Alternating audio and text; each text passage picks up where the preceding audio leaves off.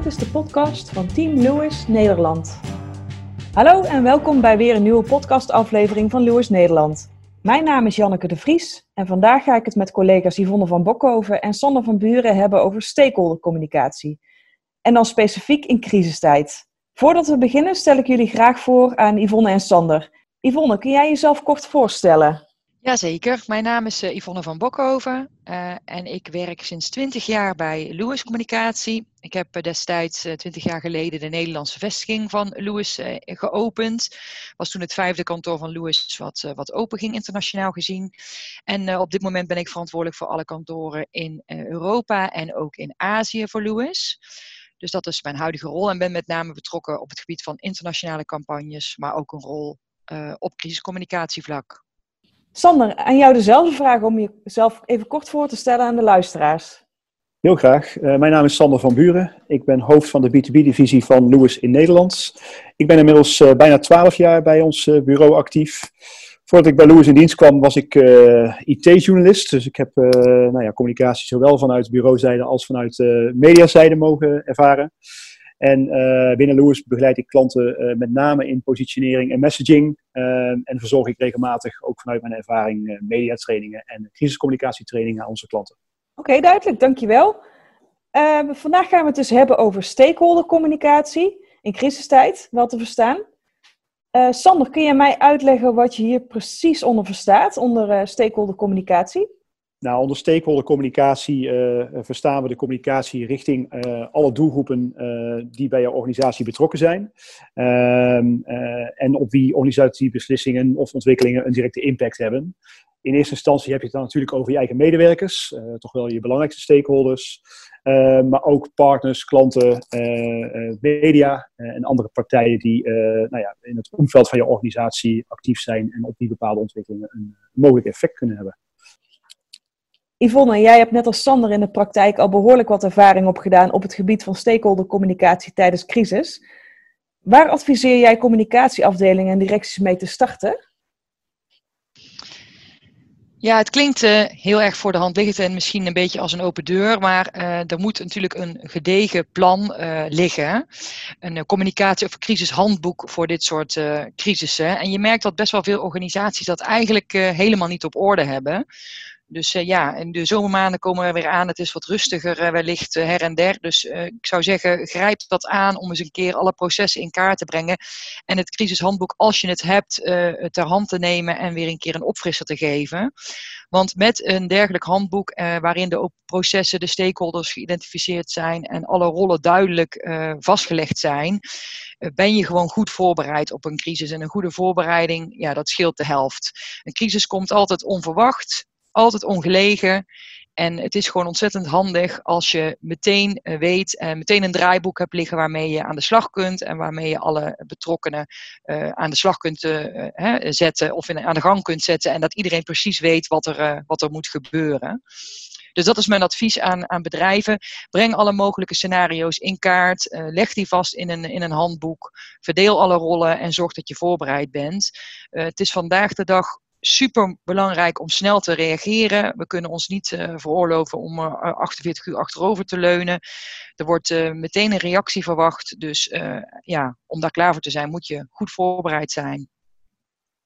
Ja, wat ik daar graag op uh, wil aanvullen, uh, wat hij wat terecht aangaf, dat het erg belangrijk is om uh, de risico's die als organisatie mogelijk loopt, doorlopend in kaart te brengen.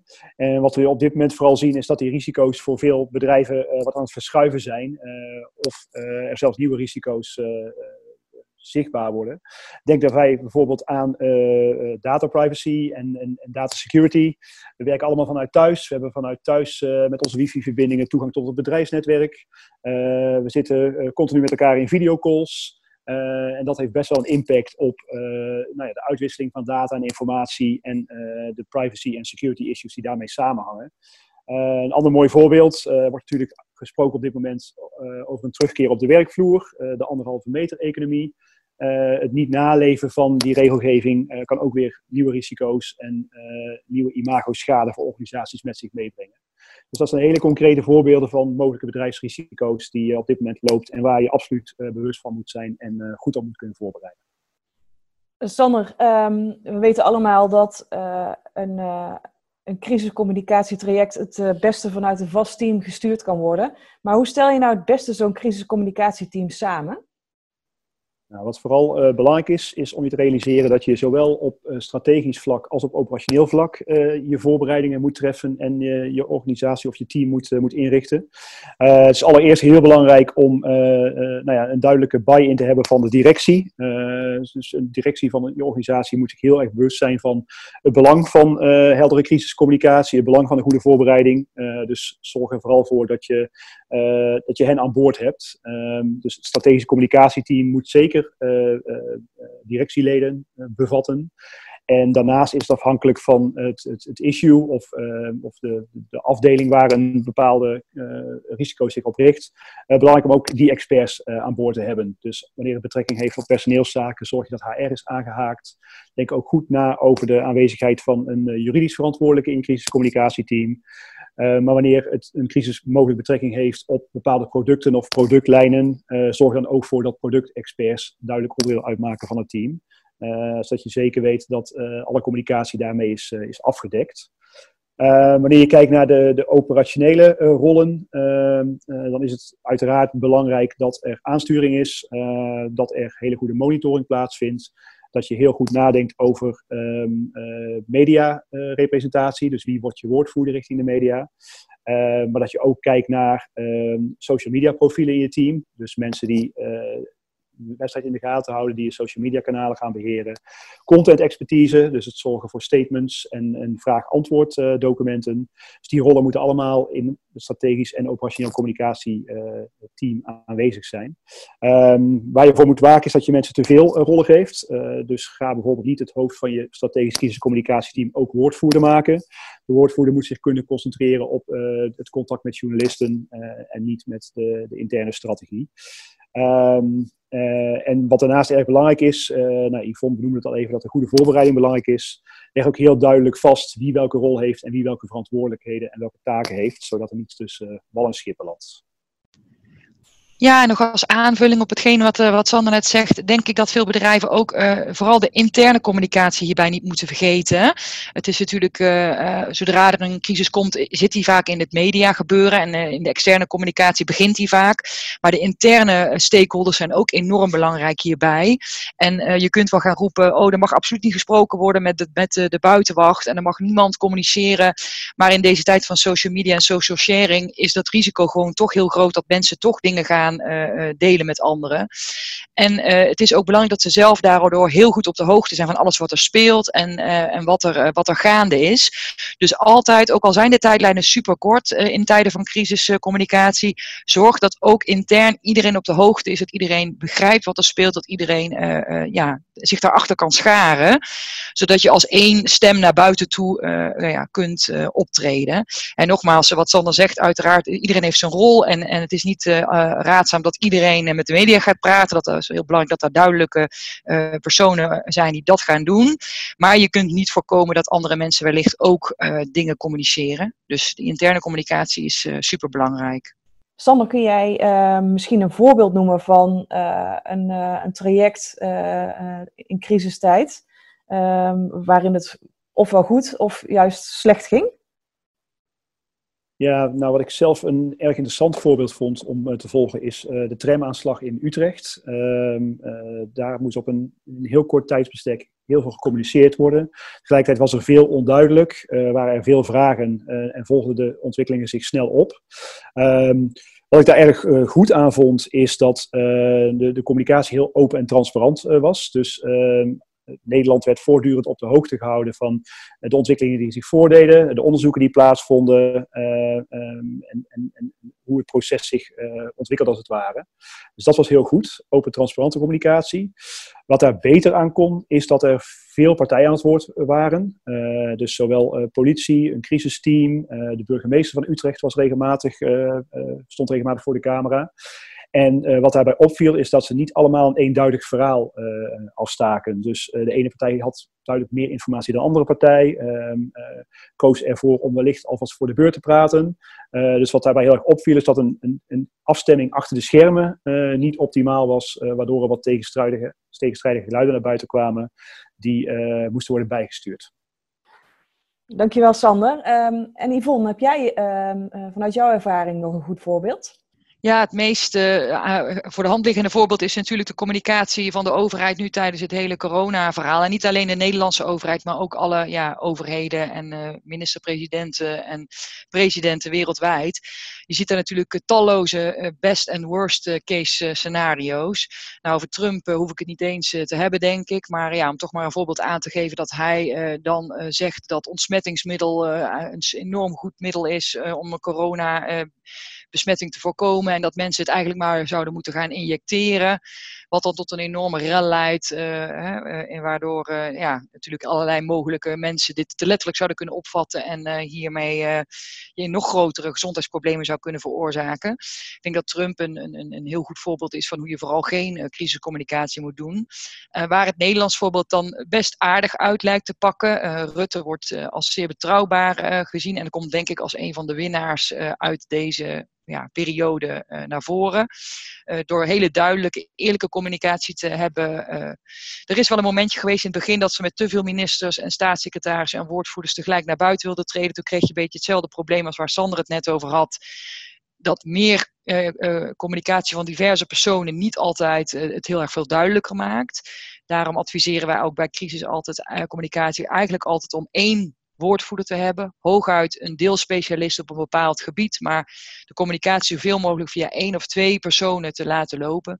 En je ziet dat de overheid in Nederland dat ook begrepen heeft, want nu doen ze de communicatie iedere keer met een uh, één of twee personen maximaal. Uh, dat is gewoon, ja, dat. dat daarmee voorkom je het risico dat men elkaar herhaalt of de, de dingen die de voorganger verteld heeft onduidelijker maakt. Dus dat is, zijn recente voorbeelden die, ja, ik uh, gezien heb. En ja, het mooie van het hele corona-verhaal is dat je ziet dat crisiscommunicatie, dat bij crisiscommunicatie de frequentie enorm belangrijk is. De honger van mensen naar informatie tijdens, in tijden van crisis is enorm groot. Dus je ziet ook dat er heel veel gecommuniceerd wordt. En dat, dat, dat, je ziet ook dat de mediaplatformen enorm hoog uh, veel bezocht worden. De, de bezoeken van nu.nl zijn bijvoorbeeld verviervoudigd in de afgelopen paar maanden. Dus de honger naar informatie is enorm. En dat is ook een belangrijk uh, advies dus naar bedrijven. Communiceer zoveel mogelijk tijdens crisis. Je kunt eigenlijk bijna niet over communiceren. Uh, wij dachten eigenlijk dat de persconferentie al bijna dood was, maar die is weer helemaal springlevend sinds de coronacrisis. En dat komt omdat ja, mensen gewoon precies alles willen weten en ieder uur op de hoogte willen gehouden worden als er een crisis zich voordoet. Sander, heb jij misschien nog wat, wat aanvullingen hierop? Heb jij nog wat tips voor onze luisteraars? Nou, we hebben het natuurlijk heel erg gehad over het, het goed voorbereiden van een, uh, een, een crisissituatie. Dus we hebben het inderdaad gehad over communicatieplannen, over het alvast voorbereiden van statements, over, over, over QA's, over het inrichten van je communicatieteam. Maar wat heel belangrijk is om zeker niet te vergeten, is om dit allemaal ook vooraf goed te trainen. Uh, daar gaat het nog wel eens mis. er worden mooie plannen gemaakt, die liggen op de plank voor wanneer zich een issue voordoet. Maar je gaat als organisatie ongetwijfeld merken dat wanneer je in een crisissituatie belandt, andere wetten gelden. Uh, er heel snel geschakeld moet worden. Het voor mensen ook wel spannend is om het woord richting de media te gaan voeren. Dus wat ik zeker mee wil geven is dat je uh, moet zorgen dat je echt goed voorbereid bent. Dus train je woordvoerders ook duidelijk op, op de statements en boodschappen die je in je plannen opneemt. Uh, en, en, ben daar kritisch in. Dus uh, mocht je het gevoel hebben dat een bepaald directielid niet helemaal lekker uit de verf komt voor de media, uh, ben dan ook niet bang om iemand anders naar voren te schuiven die het woord namens je organisatie gaat, gaat voeren. het gaat om, je, om de reputatie van je organisatie, van je bedrijf. dat moet beschermd en bewaakt worden. dus bereid je daar goed op voor. Ja, en als laatste aanvulling op wat Sander zegt, denk ik dat real-time communicatie ook echt benadrukt moet worden. Um, al heb je niet direct het antwoord, het feit dat je bijvoorbeeld op social een berichtje stuurt naar degene die iets vraagt over, over de crisis of die iets, een, een, opmerking plaatst. Als je alleen al reageert en zegt, goh, bedankt voor je, je opmerking, we zijn intern aan het kijken en we zijn onderzoek aan het doen, we komen zo snel mogelijk bij je terug, dan voelt iemand zich al gehoord. En dat kan al heel vaak het, het gevoel van onvrede of het gevoel van onzekerheid bij mensen wegnemen. Dus zit er heel kort op de bal. Zorg dat je in ieder geval in dialoog blijft met mensen die hun hart aan het luchten zijn of die hun klacht willen ventileren. Zet er een social media crisisteam op om te zorgen dat, we al die mensen op je, dat je op al die mensen kunt reageren. Dat werkt ook heel goed om een crisis in, uh, ja, snel uh, ja, te bezweren. Dankjewel Yvonne. Sander, ik heb nog een laatste vraag.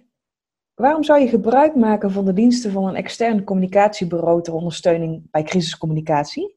Um, nou, wat ik al aangaf, is dat we in de eerste plaats heel veel mediaervaring hebben. Dus we weten uh, hoe journalisten uh, denken en werken. Um, we hebben het niet heel nadrukkelijk belicht, maar de media speelt natuurlijk een cruciale rol uh, in een crisissituatie. Ik bedoel, zij zijn degene die de lastige vragen aan je gaan stellen, die zaken gaan duiden, die filter vormen tussen het bedrijf en, en, en, het publiek, zeg maar, naast social media ontwikkelingen uiteraard. Uh, dus het is erg belangrijk om te begrijpen hoe, uh, hoe je met media om moet gaan. En wat ik al aangaf, uh, training speelt daarin een hele belangrijke rol. dus wij als bureau kunnen die rol pakken. Dus zorgen dat wij de kritische journalist zijn die die kritische vragen gaan stellen.